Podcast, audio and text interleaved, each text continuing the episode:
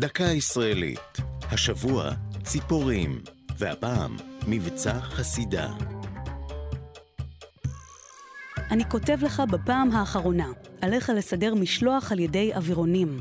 כך כתב דוד בן גוריון, מנהיג היישוב העברי בארץ, לאהוד אבריאל, שליח המוסד לעלייה ב' באירופה. היה זה בימי מלחמת העצמאות, טרם הכרזת המדינה, במהלך תכנון מבצע סודי ליבוא נשק ותחמושת מצ'כוסלובקיה. הנשק נועד לשמש את לוחמי מבצע נחשון, בדרכם לירושלים הנצורה. לצורך המבצע, חכרה הנהגת המדינה שבדרך מטוס אמריקני, ועליו הועמסו בצ'כיה 200 רובים, 40 מקלעים ו-150 אלף כדורי תחמושת. חודש וחצי לפני הכרזת המדינה, בליל 1 באפריל 1948, יצא לפועל מבצע חסידה. מעט אחרי חצות הגיע בקשר הבשורה על הנחיתה הצפויה במשטח נטוש סמוך לבאר טוביה. לאחר שתי הקפות נגעו גלגלי המטוס בקרקע. חיילי גבעתי שהוצבו במקום החלו לפרוק את המטען בהתרגשות, ובתום שעה ועשרים דקות המריאה החסידה בחזרה לפראג.